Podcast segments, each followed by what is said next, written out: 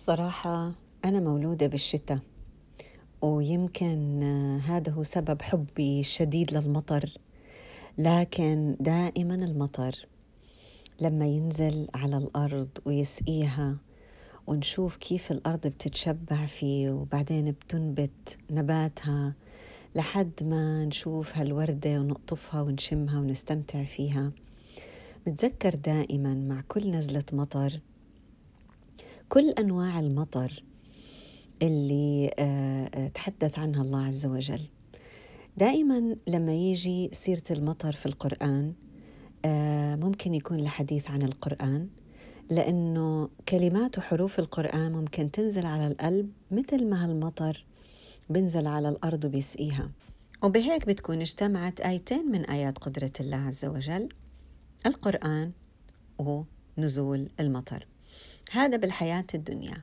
أما باليوم الآخر ربنا دائما بيربط لنا الحياة الدنيا بالآخرة بالمطر اللي راح ينزله آه، يوم القيامة حتى ينبت أجسادنا مرة تانية للقائه وحتى نستعد للحساب.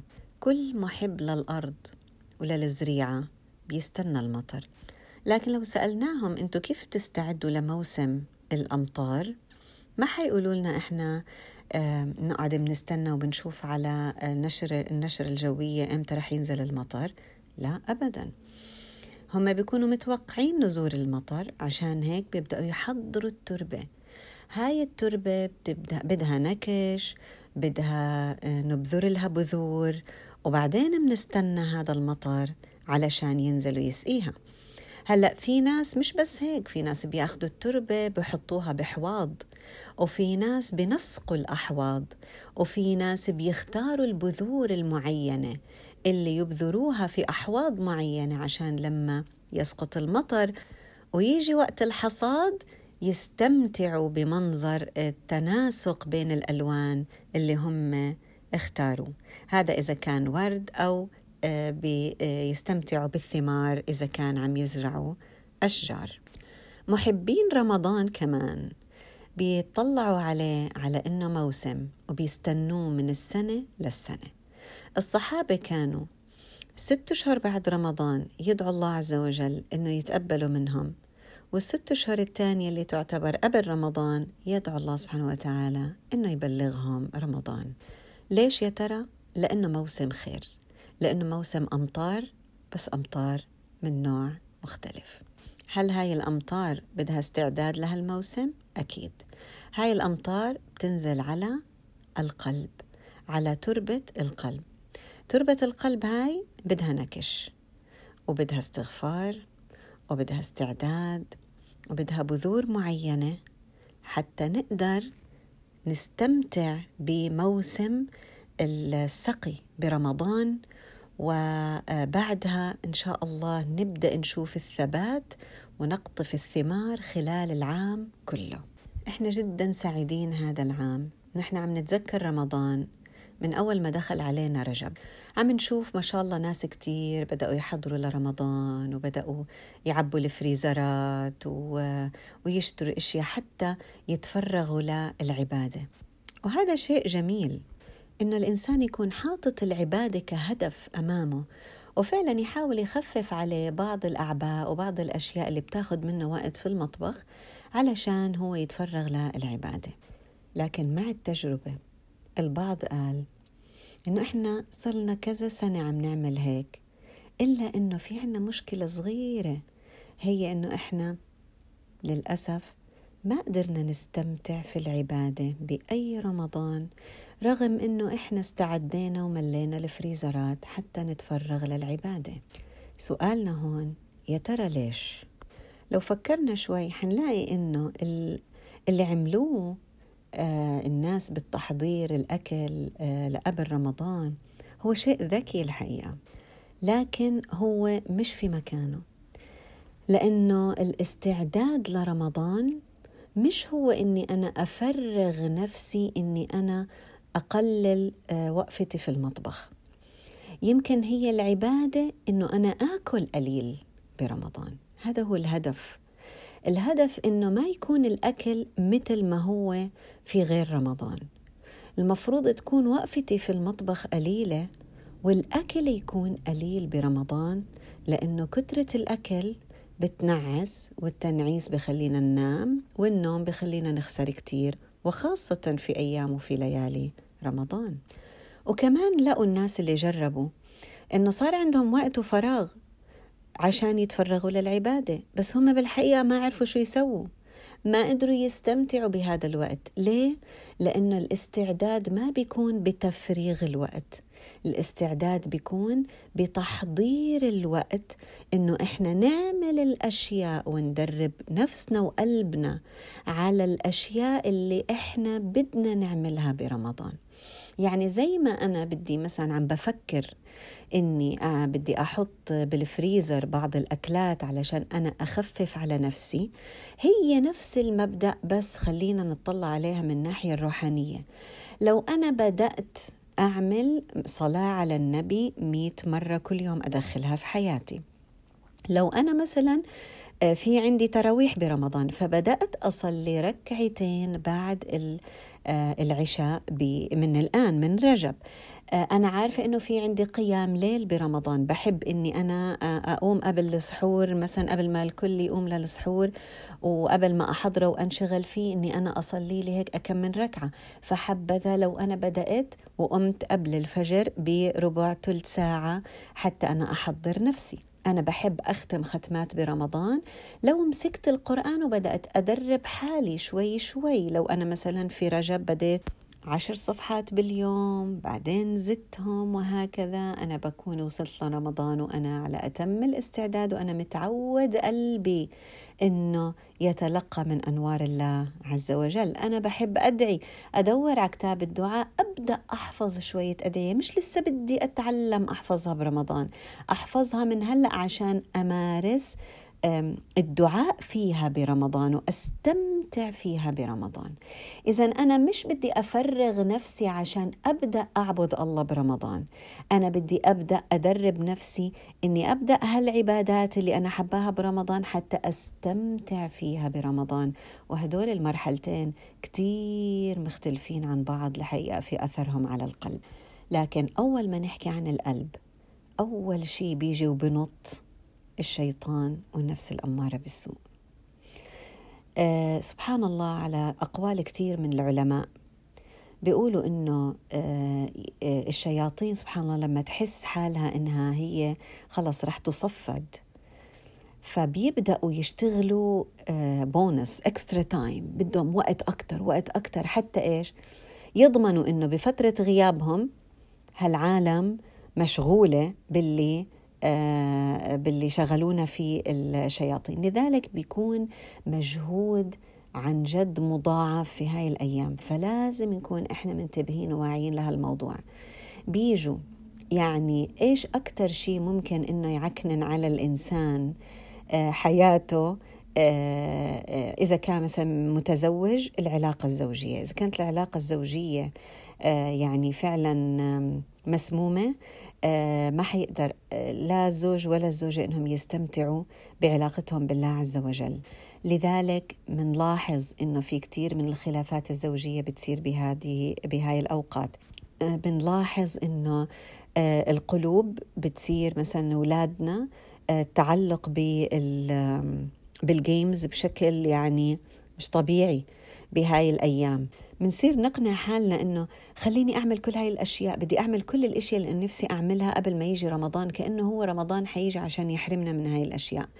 هو إحنا في الحقيقة هاي يعني لما يجي رمضان إحنا ما رح ننحرم منها إحنا قلبنا رح ينور في الأشياء الحقيقية اللي بتنور القلب.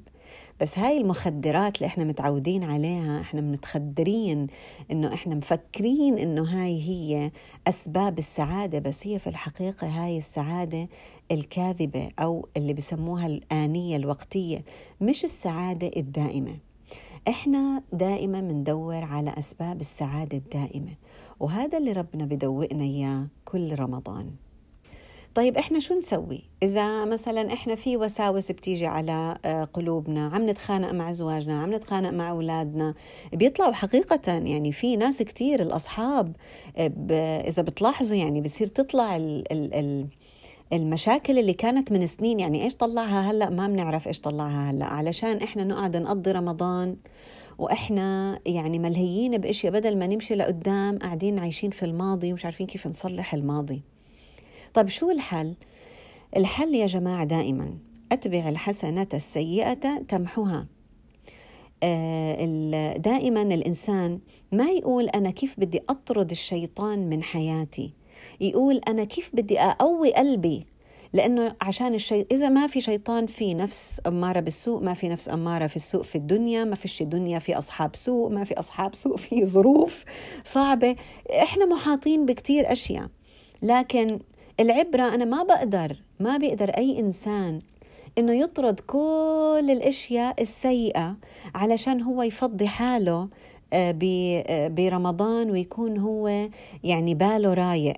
زي بالضبط اللي إحنا فضينا وعملنا كل إشي وعبينا ثلاجاتنا علشان إحنا نكون فاضيين للعبادة برمضان.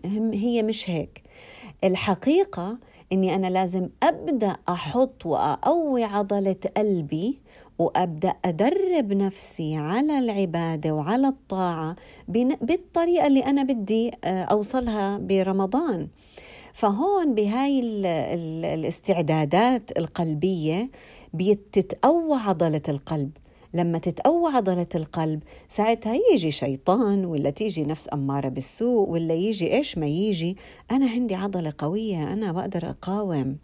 وطبعا آه، وما توفيقنا إلا بالله عز وجل. كل ابن آدم خطاء. كل واحد فينا هالعضلة هاي؟ بقوة. لكن آه، صدقا. يعني كل ما كان إحنا دخلنا في معارك مع آه، أعدائنا كل ما قويت هاي العضلة. يعني هاي العضلة مش كمان إحنا بس بدنا نقويها ونتخيل إنه إحنا بدنا نعيش في عالم من العبادة و... وإنه هاي العبادة لازم تكون صافية وما في أي. مثلا خلافات وما في آه، أي أخطاء أبدا إحنا خطائين إحنا مو ملائكة إحنا مش مخلوقين ملائكة الملائكة هم اللي مخلوقين يعني يعبدون الله آه، ويفعلون ما أمرهم ولا يعصون الله عز وجل. لكن إحنا مخلوقين بطريقة إنه إحنا لازم نشتغل على هالقلب. كيف؟ بالعبادة. كل ما حطينا عبادة بالقلب كل ما صبرنا على العبادة. يعني أنا مش بس بدي أأمر نفسي بالعبادة وبدي أصطبر على هاي العبادة. يا أيها الذين آمنوا اصبروا وصابروا. يعني بدكم تضلكم تنصحوا نفسكم بالصبر وغيركم ينصحكم. وهي ديننا الحلو دين الجماعة. ورابطوا. بدكم تضلكم مرابطين على الثغر. آه، ضلكم مصرين إنه أنا بدي أوصل. آه، اصبروا وصابروا ورابطوا واتقوا الله. لعلكم تفلحون. الفلاح والفوز اللي بدنا نوصله بالنهاية نهاية المطاف هو إن شاء الله بهالأشياء اتباعنا لهاي الأشياء. آه كون إني أنا أقول أنا بدي آه، أستمتع بدي رمضان آه جميل بدي رمضان ينقلني من حال إلى حال بدي رمضان يشيل غشاوة شوي عن قلبي وعن عيني وعن عين البصيرة اللي أنا عم بدي بدي أشوف بدي أقرب بدي أستمتع أكثر بحياتي مع الله عز وجل. بدي أعرف كيف أهدي حالي بدي أعرف كيف أشيل التوتر من حياتي بدي أفهم الحياة صح. كل هاي الأشياء سبيلها إني أقوي عضلة قلبي مش سبيلها إني أضلني بس أنا الآن أطرد الأعداء اللي حولي. الإنسان اللي بده يدخل على مسابقة أو على سباق اللي داخل الماراثون ما بيروح بتطلع وين أعدائي وأنا بدي أقاوم أعدائي لأنه بالنهاية رح يضلوا بالصف الأولاني مش حيقدر يعدي المرحلة الثانية. العداء هذا تبع الماراثون لازم يضل يشتغل على عضلاته ويقويها عشان مهما يكون عدو اللي رح يقابله في هالسباق ما بهمني أنا شو عدوي. المهم عندي إني أنا أقوي هاي العضلة وأمشي. ممكن إني أنا أمشي وأفوز وممكن إني أمشي وما أفوز. لكن أنا إذا ما فزت اتعلمت. اتعلمت شيء عن اللي فازني وتعلمت شيء عن نفسي. عرفت كيف اللي فازني؟ شو عمل؟ وتعلمت عن نفسي أشياء وحطيت خطة للمرة القادمة. علشان أنا أستمتع في المرحلة القادمة وعشان أستمتع في آه، هدفي القادم وأعرف كيف أحطه. ف آه، يعني الحمد لله إنه إحنا هلأ بمرحلة إنه إحنا عندنا الحمد لله شهرين قبل رمضان. هدول الشهرين لما أفكر إنه بتقولنا عائشة رضي الله عنها الرسول صلى الله عليه وسلم كيف كان يستعد لرمضان؟ بتقول دائما ما كان يصوم شهر آه، بالعام كامل إلا رمضان. وبعدين اللي قبله مين؟ اللي هو شعبان. شعبان كان أكثر شهر من أشهر العام بعد رمضان آه، يصوم الرسول صلى الله عليه وسلم. ليه؟ طبعا عم بفكر بقول ما هو لأنه أنا لما بدي أستعد لرمضان بدي أستعد بعبادة من جنس رمضان. فأنا شو بدي أحقق برمضان؟ ببدأ إني أنا أعمله من قبل رمضان الحمد لله.